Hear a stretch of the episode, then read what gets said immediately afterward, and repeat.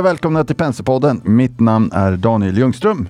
Idag är det fredag den 21 februari och igår hade vi temadag fastigheter på banken.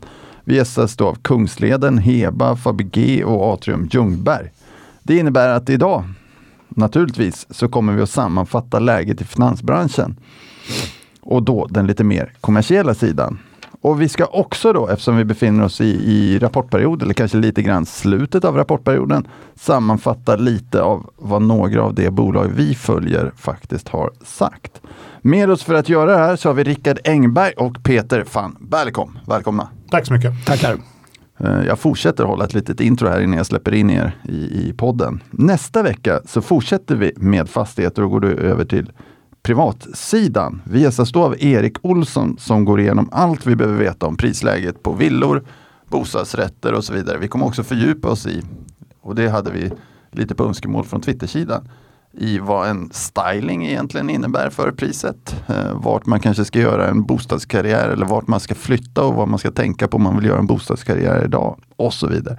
Och det gör vi mot bakgrund av att vi ser att eh, bostadsmarknaden är av stor betydelse för hur vi tänker som risktagare och investerare. Så, så följ med oss nästa vecka också då. Erik Olsson eh, som gästar oss nästa vecka, han kommer också vara med på vår Pensepodd-dag lördagen den 9 maj. Ni kan anmäla er redan nu till Pensepodd-dagen eh, genom att skicka ett mail till penserpodden penser.se och säga att jag vill gärna komma på Penserpodd-dagen lördagen den 9 maj. Det här kommer ju då bli en superdag för investerare och målet är ju att de som kommer ska vara lite bättre investerare när de går hem än när de kom. Och det, det, är klart, det är en tid till 9 maj. Vill ni göra någonting lite roligt i närtid så tycker jag ni ska anmäla er till vår alldeles lokala bolagsbonanza som vi håller den 12 i tredje. 12 i tredje, det är alltså bara ett par veckor bort. Då har vi en så kallad bolagsdag. Och då gästas vi av Mekonomen, Haldex, Aino, CAG, Lagerkrans, Duroc, Climon, eh, Invisio, Optifreeze, Gunnebo. Eh, ja, vi kan ju fortsätta här. Redsense, Claria Pharma, Volati, Bulten, Formpipe, Enzymatica, Avanza eh, och så vidare. Eh, Swedbank ser jag också. Det stämmer. Det stämmer. Mm. Jaha, Swedbank kommer också. Det kan ju vara en, en, en, en intressant punkt. Arcaroma, Ericity och så vidare. 12 tredje. Vill ni gå på bolagsdagen så kan ni skicka ett mejl även här till penserpodden penser.se och säga att eh, jag vill gärna komma på bolagsdagen. Och det börjar vid klockan 10 och slutar vid klockan 16.30. Eh, det tycker jag faktiskt ni ska slå till på. Nu över till dagens ämne. Rickard, hur mår du? Jo då, jag mår bra. Rapportperioden är väl nästan över, så nu får man sova lite. Vad innebär nästan? När är den på riktigt över? Jag har två bolag kvar. East9 som kom nu på morgonen och sen så Toadman Interactive, eller EG7 som de har bytt namn till, som kommer, kommer byta namn till, som kommer nästa vecka. Hur mår du Peter? Jag mår alldeles utmärkt, tack. Känner ni förberedda? Ja. ja. vi, vi, vi ska ju då gå igenom ett gäng eh, bolag först här. Vi har BTS, eh, vi har Upsales, SBB, Iris och till sist Angler och Evolution Gaming. Det stämmer. Om vi börjar med då BTS, Rickard. Vad sa BTS rapport dig? Ja, BTS det är ju ett av våra accessbolag. Det är även med på Momentumlistan. Där det har varit med sedan start. Så det är för att det har gått så pass bra. Får jag avbryta dig bara? Jag kom på en sak till. Eh, när vi pratar enskilda bolag ska ni komma ihåg att precis som Rickard säger att det här är ett av de bolagen som vi har uppdragsanalys på. Det betyder att vi har ett avtal med det här bolaget som innebär att eh, de ersätter oss för att eh, bevaka dem. Det finns i runda slängar ett par hundra bolag som har den tjänsten idag. Och det är en viktig del hos oss. Men det ska, då ska ni med att det kan finnas lite olika intressekonflikter här. Så, så se lite nyanserat på det vi, vi säger och beakta den potentiella intressekonflikten som finns. Fortsätt Rickard. Ja, och BTS den handlar väl ungefär strax över 280 kronor i, dag, i dagsläget.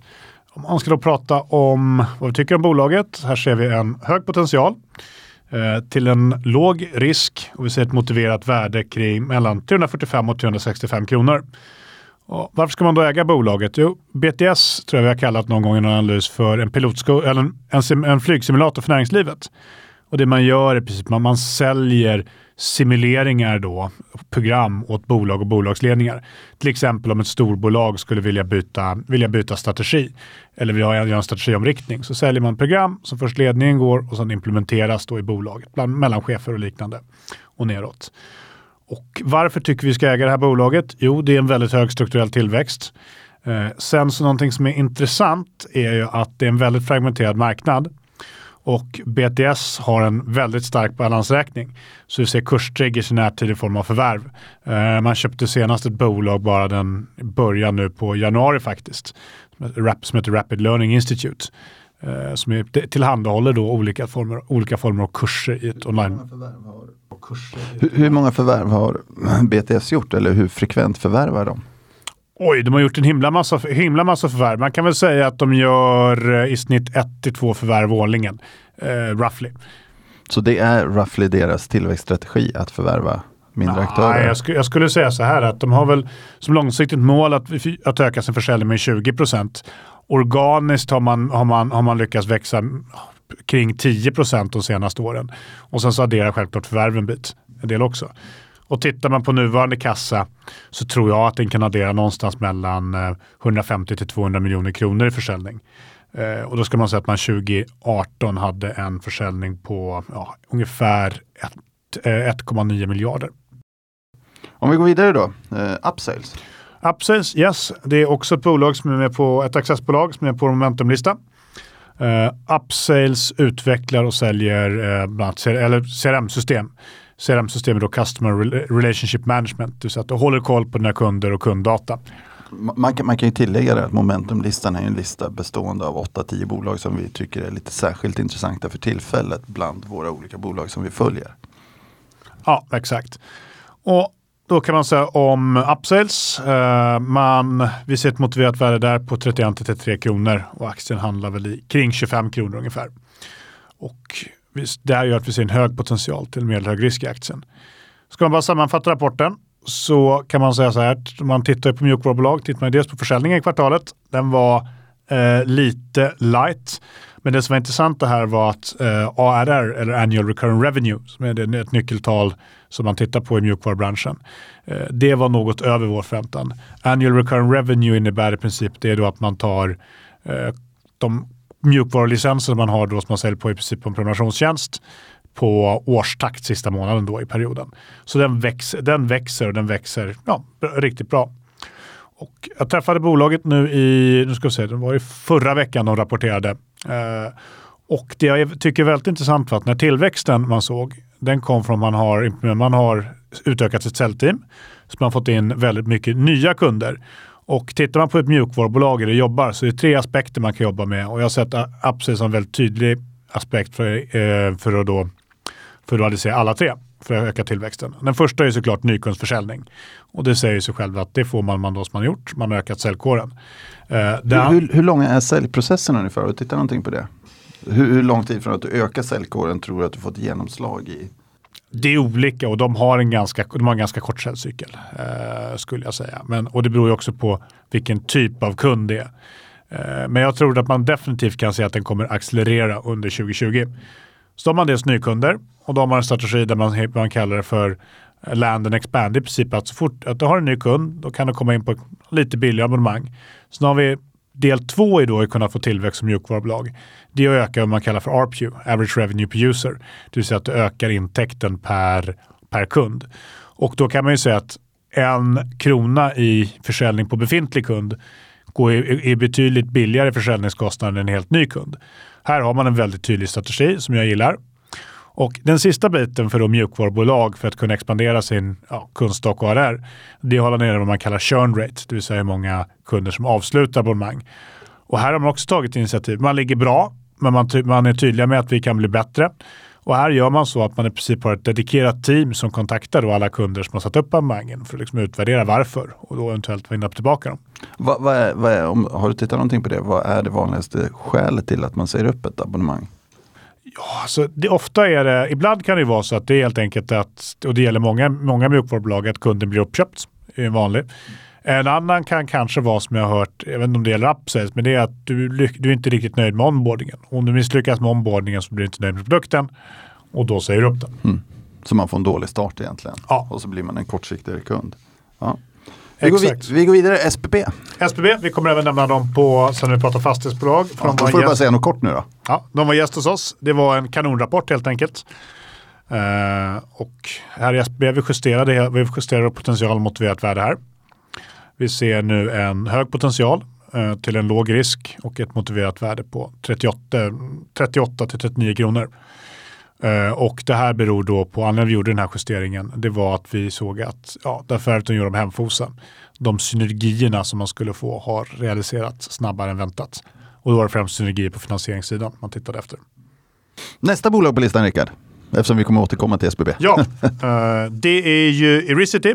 Ericity är ett bolag, jag tror vi har nämnt det tidigare i podden, eh, men de utvecklar mjukvara för IP-kameror, så övervakningskameror, Eh, som då med hjälp av en ja, machine learning och en algoritm kan larma själva och upptäcka, upptäcka mä, mä, mänsklig aktivitet. Och på det sättet göra övervakning betydligt effektivare. Eh, Den rapporten de kom, kom in med, den var överlag bättre än väntat. Eh, Överlag bättre än väntat på samtliga punkter skulle jag säga. Lönsamheten, försäljningen och framförallt, precis som med Ericity, så var det man kallar för MMR, Monthly Recurring Revenue här, var betydligt starkare än vad vi hade trott. Och under då Q4 så har bolaget stärkt sin balansräkning med nyemission, vilket vi tycker är, vilket vi tycker är bra och det minskar definitivt risken i bolaget. Eh, tittar man då på våra estimat för bolaget ska man tillägga att det är ett ganska tidigt skede. Och bolaget jobbar så att man har pilot, man kallar det för pilotavtal och utvärderar avtal med stora internationella bevakningsbolag. Eh, tittar vi på den pipen de har, där de håller på att utvärderas, så för att nå våra ja, 2022-estimat så, så kommer man nå mellan 2 till 4 procent av den pipen. Eh, och det här gör ju att vi ser ett, vi ser ett motiverat värde på, eh, så jag har skrivit mellan 17 och 19 kronor. Och på de här nivåerna, baserat på den här, de här 2-4 procent av den ja, potentiella pipen, värderas man fortfarande på en rabatt på nästan 20 procent mot ja, vertikala mjukvarubolag. Ska vi avsluta med lite spel då innan vi glider in på fastigheter? Spel är alltid det, är det roligaste jag vet. Men vi kan börja med Angler Gaming som är också ett accessbolag. Eh, en liten, lite, mindre, lite mindre operatör. Eh, den här rapporten var väl, jag skulle säga att den var i linje med mina, i linje med mina förväntningar. Eh, intäkterna i kvartalet uppgick till nästan 8 miljoner, 8 miljoner euro och en tillväxt på lite drygt 17 procent. Ebit ökade till ungefär 2 miljoner euro, vilket, är, vilket ger en marginal på 26,1 procent. Och det här ska jag tillägga är en av de starkaste marginalerna bland operatörerna, operatörerna på marknaden. Eh, Det som gladde mig i den här rapporten och som var väldigt intressant det var att eh, det dagliga spelöverskottet under de första 43 dagarna i kvartalet eh, det var cirka 18 procent högre än det genomsnittliga dagliga spelöverskottet under fjärde kvartalet. Dessutom, Va, va, vad betyder det för någon som inte är så insatt i det här? Eh, d- spelöverskottet är hur mycket pengar kasinot får behålla. Efter utbetalda vinster kan man enkelt säga. Så det är ett bra bolag som tjänar hyggliga pengar. Ja, marginalen på, marginalen på kasinospel varierar väl mellan, någonstans mellan 2 och, eh, 2 och 4 procent. Backarna ligger lite lägre. Eh, men i alla fall, det som också var väldigt intressant i den här rapporten, det var att man även guidade för lägre marknadsföringskostnader. De skulle gå ner med cirka 30 procent mot Q4. Och här ser man en ganska väldigt fin ekvation. Man säg att vi ökar intäkterna samtidigt som vi minskar kostnaderna. Och det gör att vi tror på att ebit-marginalen kan expandera framöver. Och ja, vi höjde vårt motiverade värde på den här aktien till spannet 14,5 till 15,5. Vilket gör att vi ser en hög potential i bolaget till en medel, medelhög risk. Och tittar man på hur det här värderas mot andra operatörer på marknaden, eh, Leo Vegas, Betsson och Kindred framförallt, så är det en ganska kraftig rabatt. Vad, vad är riskerna i den här sektorn för tillfället skulle du vilja säga? Alltså, riskerna i den här sektorn, det är väl att du har en viss form av regulatorisk risk såklart. Eh, om du rör dig på marknader som är, man kan kalla dem för grå eller oreglerade. Vilket till exempel innebär att eh, du tar Norge som exempel så har norska motsvarigheten till Spelinspektionen varit hårda och försökt blockera, blockera utbetalningar till den här typen av bolag. Det har även varit tal om en DNS-blockering, det vill säga att man ska blockera hemsidor för, de här, för de här bolagen. Kan, kan man säga att det råder en regulatorisk osäkerhet i branschen? Ja, det råder en regulatorisk osäkerhet i branschen. Det, kan man, det, det återspeglas i värderingarna. De bolag som har högst andel intäkter på reglerade marknader, om man tar de stora anglosaxiska operatörerna, värderas nu för första gången på länge till, på ett premium mot de eh, svenska bolagen som har en ja, lite lägre andel intäkter från reglerade marknaden. Med det sagt, ett, casebolag, ett bolag som har som case på Penser, Kindred, mm. de rör ju sig mot att växa på reglerade marknader eftersom de etablerar sig bland annat i USA. Så det är det som är lite av vårt case i det här bolaget. Att dels så ser vi, vår DCF säger att bolaget är väldigt lågt värderat på implicit VAC med höga cash, cash flow yields. Och vi ser att man ökar andelen intäkt från reglerade marknader, vilket gör att vi tror att vi kan röra oss mot en värderingsparitet mot de stora anglosaxiska operatörerna. Vill du köra ett bolag till? Ja, det är ju Evolution Gaming, ett av mina absoluta ja, favoritbolag. Det kan du köra när som helst. Liksom. Evolution Gaming kan man inte, inte prata för mycket om. De, de rapporterade ju förra veckan. Eh, vi nämnde ju dem i samband med min lilla korta rapport ifrån eh, världens största spelmässa ICE för kan det vara två eller tre veckor sedan Daniel? Absolut, tre veckor sedan skulle jag säga. Tre veckor sedan. Och den här rapporten var, den slog både våra estimat och marknadens estimat ganska rejält. Man kom in på en ebit, ebitda på cirka 56 miljoner euro vilket motsvarar en marginal på 52,7 procent. Och på helåret då så uppgick marginalen till 50 procent på ebitda-nivå. Här hade bolaget guidat för att man skulle avsluta på någonstans mellan 47 och 49 procent. Så det var en riktigt stark, riktigt stark rapport helt enkelt. Och man, jag tycker man ser fortsatt potential i det här bolaget. Och jag vill säga att vi driver, man driver det av kanske framförallt två anledningar. Dels att man fortsätter växa i USA, man utökar sin kapacitet där, i New Jersey och man finns även i Pennsylvania. Eh, man vinner nya kundavtal på befintliga marknader. Eh, vi pratade om det i samband med vår Q3-uppdatering, att man har vunnit ett avtal med Paddy Power, som är en av världens största, eller en av Europas största operatörer. Och sen så det som var väldigt intressant i den här rapporten är att man har man har börjat lansera lite ny typ av spel, man kan kalla det spel med väldigt hög game show-karaktär. Och den här, de här spelen har varit en riktig tillväxtsuccé för Evolution Gaming. Uh, här ser vi att antalet betspots, det vill säga hur mycket bets som läggs, ökar i högre takt än intäkterna, vilket är tecken på att du får en ny typ av kunder som lägger mindre, som lägger mindre, mindre bets. Uh, antalet bets genomförda i kvartalet uppgick till ja, 7,1 miljarder och det är nästan en ökning på en ökning på över 60 procent year on year.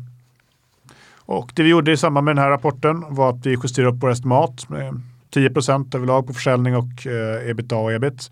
Och vi höjde vårt motiverade värde till 415 kronor. Eh, aktien handlar väl nu kring 400 strax under tror jag. Som stänkarrapport? Ja. Kan man säga. Mm. Bra. Ta lite vatten Rickard. Ja, Om vi tack. går över till dig Peter. Vi har ju nu lyssnat på, på en rad rapporter här som, som alla ser hyggligt bra ut. Hur skulle yes. du vilja säga att börsen mår? Börsen mår eh, selektivt väldigt bra. Va, vad betyder selektivt väldigt bra? Nej, men det är en anpassning till att eh, placerare ser att räntan kommer vara låg i värdliga tider, eh, i alla fall för lång tid. Eh, och att man då kan tolerera en betydligt högre värdering. Och det är många som fortfarande inte tror det, utan man hoppas att värderingen ska komma ner. Så det är ett ett skift helt enkelt. Där man nog, om man tidigare såg ett bolag som hade P någonstans mellan 10 och 15 så får man väl anpassa sig och säga ja, men det ska vara mellan 15 och, och 20 även om det inte växer så mycket. För du, förhoppningsvis har du en stabilitet där framöver och, och, och du justerar ner ditt avkastningskrav och det slår igenom i modellerna. Men, men, det är väl fortfarande inte som så, även om man säger då så att vi har, vi har en hyggligt stabil ränta, den kommer att vara låg för lång tid framåt och nu såg jag att det kom in ganska låg inflation också. Eh, så, så, när man diskonterar någonting så diskonterar du det för lite längre tid. Vid något läge kommer vi ju liksom se en annan miljö. Menar du då att då får du en större priskorrigering neråt? Alltså en lägre börs eller tror du att man ska vara långsiktigt positiv? Man börsen gör ju sin bästa bedömning nu när det gäller räntan i mm. diskonteringsfaktorn. Mm.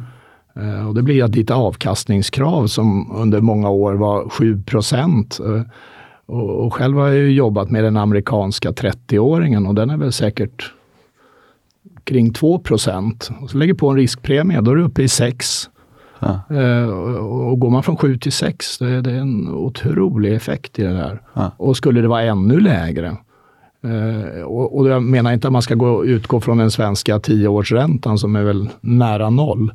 Uh, ja, då kan du säga 5% som avkastningskrav och det slår igenom över hela linjen oavsett om det är industribolag, Och sen kommer vi in på fastigheter, där slår det igenom ännu mer. Ja. Eh, det, det, det är belånade bolag och så har du leverage på det där som, som, som är fantastisk. Du är ansvarig för våra diskretionära portföljer. Innebär det här att du för kundernas räkning gör någon förändring eller ser du, sitter du lite passiv och ser att du får en, en generell värdeökning på portföljen? Förstår du vad jag menar? Behöver du strukturera Mm. dig på något sätt eller möter Ja, jag- du det här på något sätt? Man kan inte vara både kortsiktig och långsiktig på samma gång, utan det gäller att ha full exponering och hitta de bolag som eh, går bra. Eh, Vart, I vart, absoluta tal och, och då, då är ju strategin, den, den, den, den bygger ju på att kronan kommer att vara svag. Jag vill ha en hög del internationella bolag. Eh, Och, och Sverige kommer att ha en relativt svag ekonomi och vilka bolag gynnas av det? Och då kommer man in på fastigheter. Så vi har haft en ganska hög exponering i fastigheter. vart, är du mindre exponerad då för tillfället? Ja, det är ju det är alltså retail, den typen av verksamhet. Eh, och, och hemmamarknadsberoende bolag. Så du vill, du vill vara internationell och du vill Ja. vara Och det är ju att de affärsmodell, det, det, det är klart det är cykliskt om man går in i, i en del av ska säga, verkstadsbolagen, men de har en sån spridning och ger en stabilitet. Eh, och, och en större säkerhet i bedömningen. Om man stannar lite vid verkstad då, eh, som ju du har följt hyggligt länge. Vad, vad kan vi säga om verkstadssektorn för tillfället? Eh, Gärna med en, med en liten kommentar in på... på, Ja, på men det kommer ju här. Evolution Gaming är ett bolag som jag skulle ha underskattat. Nu har inte det varit aktuellt att investera där. Men man kan göra en lite sån här Hedenhös analys och titta på vilka marginaler, rörelsemarginal de har. Och går man även utomlands så kan man säga att ja, ett bolag som har en marginal på 50 procent, ja de kan gärna ha ett PE på 50 så länge det där fortsätter in i evigheten. Och, och tittar man på de svenska verkstadsbolagen så kan man ju ta ett sådant bolag som Sandvik som underliggande kommer säkert att ha en 20 procent i, i marginal från vad man vet nu. De gör ju en viss renodling också. Ja, och sen så multipeln, den är ju, den kanske är 16 gånger. Eh, sen kan det ju estimaten vara lite rätt eller fel, men det, det, det indikerar att det här är ju inte för högt värderat i, i dagsläget, även om kursen har gått bra. Mer trendmässigt, nu tänker jag inte den här senaste månaden eller så. Eh, och, och, och det är otroligt vad, vad det stämmer bra, att de här lågmarginal verksamheterna, autoliv och så, de kommer inte att lyfta. Du kommer osannolikt se en P tal på, på 20 gånger på ett sådant bolag. För det, det, marginalen är för låg i en eh, konkurrensutsatt bransch. Och Där det finns- visar på marknadspositionen. Det, det, det är ingen bedömning av aktierna, men det är bara att se var, var ser jag värden. Vi såg ju Tesla komma med, med ja, Tesla har haft en hygglig ut, utveckling de sista månaderna. Vad, vad kan man säga om fordonsindustrin totalt sett? Ja, Du har, är- du har den- tangerat det där tidigare lite grann. Ja, den är, I Sverige har vi ju direkt exponering på börsen är relativt låg, utan det är mer sentiment kring fordon. Eh, och det som ligger är ju svensk ekonomi med Volvo Cars till exempel. Eh, men den är ju en otrolig omvandling från eh, mer flexibel mo- mobilitet, eh, elektriska drivlinor. Eh, ja, det, det finns en väldigt stor mängd utmaningar eh, och även ja, batteridrift eh, när det gäller och sen Kan, kan man säga att du tycker att riskerna har ökat i hela sektorn eller ser man möjligheter också? Ja, det, men det gör man ju alltid, men värderingen reflekterar dem. De riskerna, det är ju därför eh, bilbolagen, ja de har väl en P tal på någonstans mellan 5 och 10. Och Tesla något annat? Ja, men det är ett fenomen och det är ju det man ska fundera på. När dyker upp den typen av Fenomen. fenomen? Det kommer ju eh, konkurrenter till, till Tesla också. Det har ju Audi med E-tron, Volkswagen med hela ID-programmet och det, det rullas ut nu.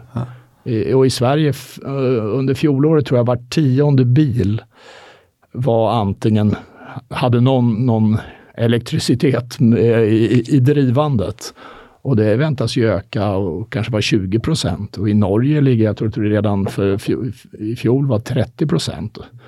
Och det är hybridbilar också, inte bara rena elbilar. Vad, vad, ser du för, om vi, om vi spånar lite framåt då, vi går ur rapportperioden och så vidare. Vad ser du som kan vara potentiella liksom, risker och triggers för, för börsen på ett mer generellt plan? Säg kommande tre fyra månader. Och det finns ju en allmän att värderingen är ju lite stretched. Och, och de vinstutsikterna. Sen handlar det mycket om, tittar börsen framåt eller bakåt? Nu, nu, nu hoppas man ju på att den här virusoron försvinner och man likvidiserar systemet och pumpar ut mycket pengar. Eh, och, och, och börsen brukar ju normalt titta framåt, så det är därför inte oron är så, så stor. Om, om vi då tar att vi har en, ett läge med, med lite mer, vad ska man säga, man, man tror på en hyggligt stabil ränta. Då, då, kommer vi glatt över på vår eh, fastighetsdag här och fastighetssektorn. Rickard, du modererade en hel del av det här. Vad är dina liksom, key takeaways? Ja, för det första är väl att det är ett väldigt stort intresse för fastighetssektorn. Jag tror vi i princip hade ståplats mm. för, eh, på eventet. Men det andra är, vi hade en ganska, vi hade väldigt intressant inledning, inledningstalare Eh, som pratar, från, pratar om värderingar. Och det som jag tycker är intressant och som man ska ha i åtanke när vi pratar hur fastighetsbolag är värderade kontra substans, kontra, kontra kassaflöde. Det är att om man tittar på fastighetsdirektavkastning och skillnaden mellan räntor så kan man tro att fastighetsmarknaden har varit jättestark jättelänge. Den borde ha kommit ner på nivåer som är låga. Tvärtom, det man kallar för gillgapet är fortsatt relativt högt. Vi, vi pratade om gillgapet tidigare. Kan du, kan du definiera gillgapet? Ja, men det, då kan man prata om direktavkastningen på en fastighet. Ja. Eh, det säger sig självt hur mycket, hur mycket får ut varje år. Och sen har man, sen har, det är då yielden och sen mm. har man finansieringskostnaden. Mm.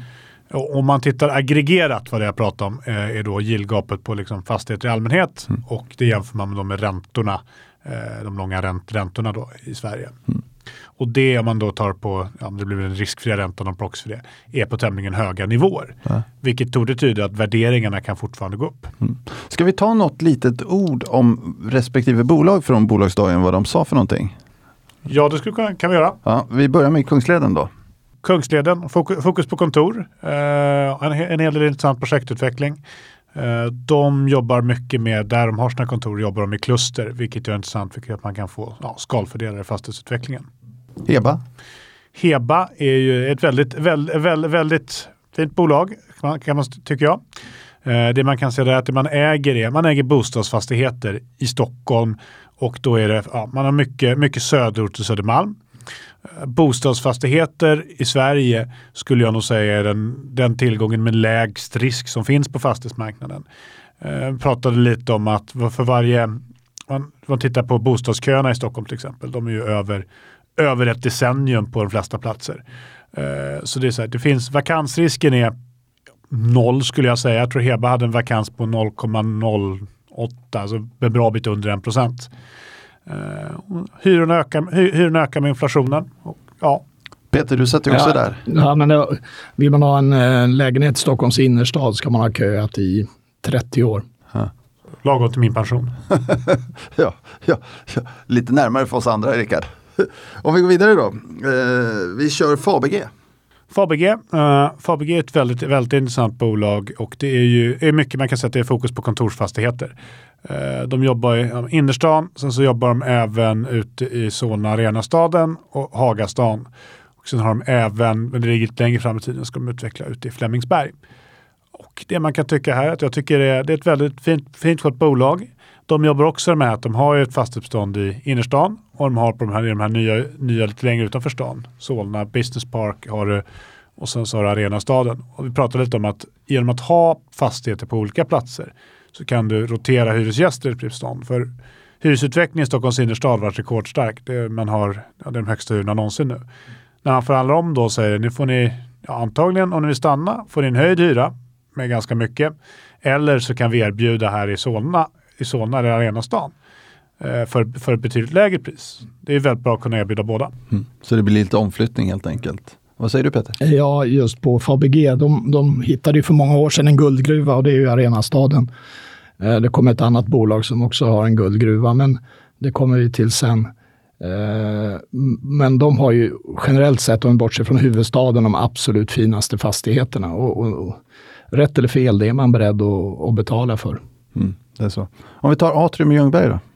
Atrium Ljungberg, det är också ett, jag gillar bolaget. Det är också mycket fokus på kontor eh, just i storstäderna i Sverige.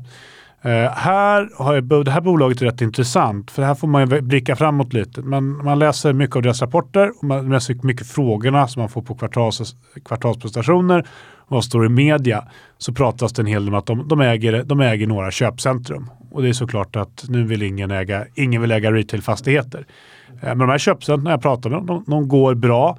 Tittar man på detaljhandeln så växer den. Så den, den risken där tycker jag är något överdriven. Eh, den tycker jag är överdriven.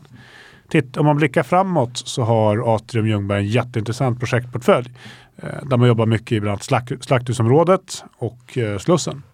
Om, om, man tar då Peter, du har 30 års erfarenhet. Du var med på de här seminarierna. Va, va, vad är dina liksom, känslor utifrån det här? Ja, jag tittar lite på dina? helheten på de personerna så, och det kan man ju bli lite orolig för. att eh, Det var stora bolag och ett extremt stort självförtroende och det speglar väl hela branschen.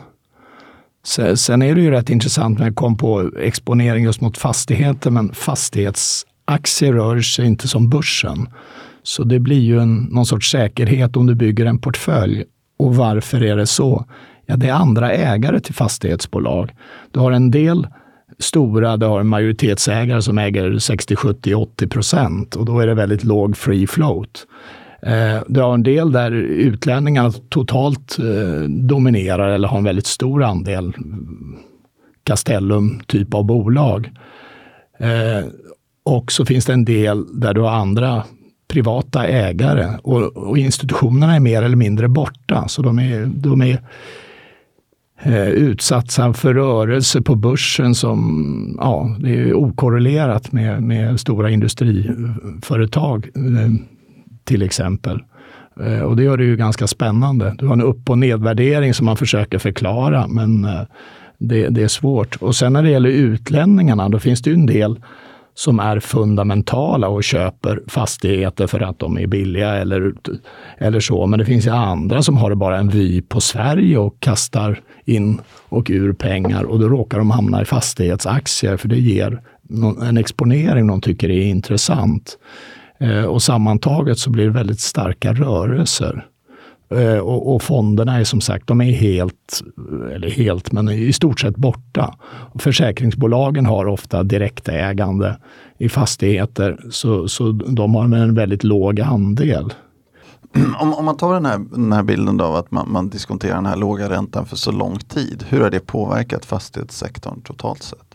Ja, det har ju ska säga, inte högt, men numera modest skuldsatta bolag och det här med justerade avkastningskravet, alltså den här eh, direktavkastningen. Ju lägre den är, desto mer kan du värdera upp fastigheterna och, och går dessutom räntorna ner och du räknar på en eh, finansieringskostnad som istället för några år sedan var 3-4 procent som är nu kanske 1-2 procent. Så det blir en otrolig effekt på detta. Och sen vi kommer så småningom till SBB, så kryddar de det med eh, att de har byggrätter med extrema värden. Eh, om de lyckas sälja till det de hoppas på, va? då har vi ju då, då, då, då, får man den effekter, de effekter som man eh, ser nu. Sen vad man skulle vara lite orolig för, och det gäller ju, det, det är ju ganska stora investeringar de här bolagen gör. Eh, inte så mycket i kungsleden, eh, även om de också sent om sidor har en, en hygglig pipeline. Men Fabg fortsätter ju, det är en otrolig eh, fart i, i nybyggandet i, i ett antal områden. och, och, och Rickard var ju inne på Atrium Ljungberg. Ja, de har ju de här tre S-områden. Det är Sickla och Slussen och, och, och Slakthuset. Eh, och det är klart, det, att, det kan alltid gå fel någonstans. Och, å andra sidan, så det, det var en fråga jag ställde till samtliga bolag när de jobbar med projektutveckling, är ju att vi ska ha 50 procent uthyrt innan vi börjar bygga. Så på det sättet så sänker du risken i din projektportfölj. Mm. Om vi tar SBB då? SBB, ja, jag har väl kallat det för störst bäst paddlast här i podden någon gång. Men ja, det, det har du gjort. Det, det som är intressant med SBB och om man ska värdera SBB och så som jag, jag har gått tillväga är att jag har gjort om, lite om man kallar det samma partvärdering. Eh, för då har man ju det som Peter varit inne på. Då har ju dels fastigheterna, den förvaltande delen av bolaget. Och här räknar jag väl med att de kommer tjäna efter då utdelningar på D-aktier. Pref, ja, preffar har de knappt några kvar några och hybrid, hybridobligationer så kommer man tjäna strax under 2 kronor per aktie. Ursäkta. Är du förkyld Rickard? Nej, ja kanske. Du känner inte av något virus eller någonting? Nej, jag har inte varit, jag har inte varit i Asien och varit ute och rest så jag är lugn på den fronten. Ja. Men om man tittar då på den här delen, det är då ja, strax under 2 kronor per aktie. Här kan vi kanske applicera multipel på ja, runt 20, jag har väl satt 17-18 någonting i min analys. Då kommer man upp i 32 kronor för den förvaltande delen av bolaget, på fastighetsbeståndet. Utöver det så har ju SBB andra intäktsströmmar som vi varit inne på. Projektutveckling, eh, de kallar transaktioner, transaktioner vill säga att man köper och säljer fastigheter.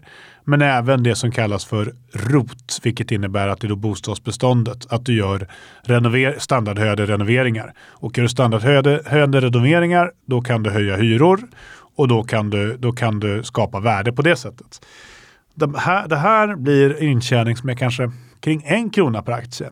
Och då är det såklart att du kan inte applicera samma multipel på det här som den förvaltande delen av SBB. Eh, men jag har applicerat en multipel strax under 6 eller kring 6 då och de här två tillsammans blir vårt motiverade värde som är ja, 30, någonstans 37 till 39 kronor. Så du vill behålla rubriken störst bäst ballast? Ja, ett tag till. Ja. Vad va, va, va kan man säga då? Vi pratade lite om självförtroende tidigare. Är, är självförtroendet i sektorn motiverat? Ja, jag skulle säga som jag började med att eftersom vi ser ett fortsatt yieldgapet är på fortsatt historiskt höga nivåer så finns det utrymme för, utrymme för värdering, att värderingarna stiger. Mm. Vad säger du Peter?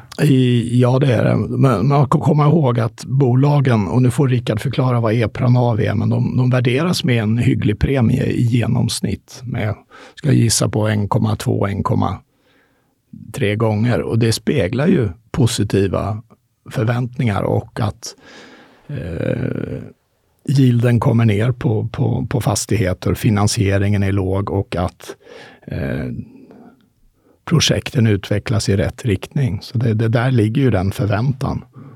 Vad är EPRAn av, Rickard? Enkelt sett kan man säga att det är ett justerat eget kapitalmått. Man tar eget kapital, man justerar för hybrid, hybridobligationer, man justerar för ja, det som man kallar för D-aktier och preferensaktier och sen så gör man även så att man räknar in den eh, latenta skatteskulden. Eftersom där är resonemanget att behåller vi fastigheterna så betalar vi ju inte en reavinstskatt. Mm. Jag vill ju ändå hitta någon liten risk. Det tycker jag är alltid smakfullt att ha. Finns det, finns det någon risk? Vad är riskerna för tillfället? Men ofta finns de, de risker som är, de, de är inte uppenbara. De kommer in från sidan. Det är lite grann som att se runt hörn. Jag, jag känner mig aldrig riktigt nöjd som investerare om jag inte ser några risker. Ett exempel på en risk som, som tidigare har varit i fastighetssektorn, det är man pratar i finansieringsrisken. Men där har man ju sett att efterfrågan på obligationer och på finansiering är, är rekordhög. Jag tror det var något fast, ett fastighetsbolag som satte en obligation på, ja det var under 20 minuter blev den fulltecknad. Om, om, vi, om, vi tar då, om, vi tar då, om vi tar då Atrium lite grann. Vad kan vi säga där? Har vi några risker Peter? Eller ja, har vi några möjligheter? Ja, det var, nej, men jag nämnde att det var två Arenastaden var en guldgruva. Det finns ju ett bolag till med en gruva och det är ju Atrium Ljungberg. De äger ju då Sickla i Nacka och eh, ett av kontoren är ju Atlas Copco. Ja. Och under Atlas Copco finns det en, en gruva. Som man kan besöka? Som man äger, eh, det vet jag faktiskt inte nu, men man äger alltså en gruva. Så ja. får man väl se, framtiden får utgisa om det är en guldgruva eller inte. Ja. ja, ska vi börja avrunda där? Ja, kan vi göra. Ja, får jag ställa några frågor? Det här är ju faktiskt dagen innan sportlov.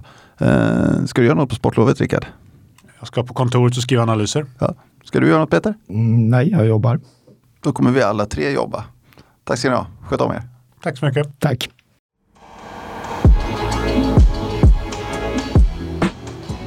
Denna podcast är utgiven av Erik Penser Bank och är avsedd att marknadsföra bankens tjänster. Vissa bolag som nämns kan därmed ha något samarbete med banken i form av fondförvaltning, analystjänster, Certified Advisor-uppdrag med mera. För mer information om dessa tjänster, fondförvaltning och även bankens hantering av eventuella intressekonflikter vänligen se bankens hemsida www.penser.se. Vänligen notera att investeringar i finansiella instrument, inklusive fonder, är förknippade med risk. Historisk avkastning är en garanti för framtida avkastning. De pengar som placeras i finansiella instrument kan både öka och minska i värde och det är inte säkert att du får tillbaka hela det insatta beloppet. Ingen del av Penserpodden ska uppfattas som investeringsrekommendation.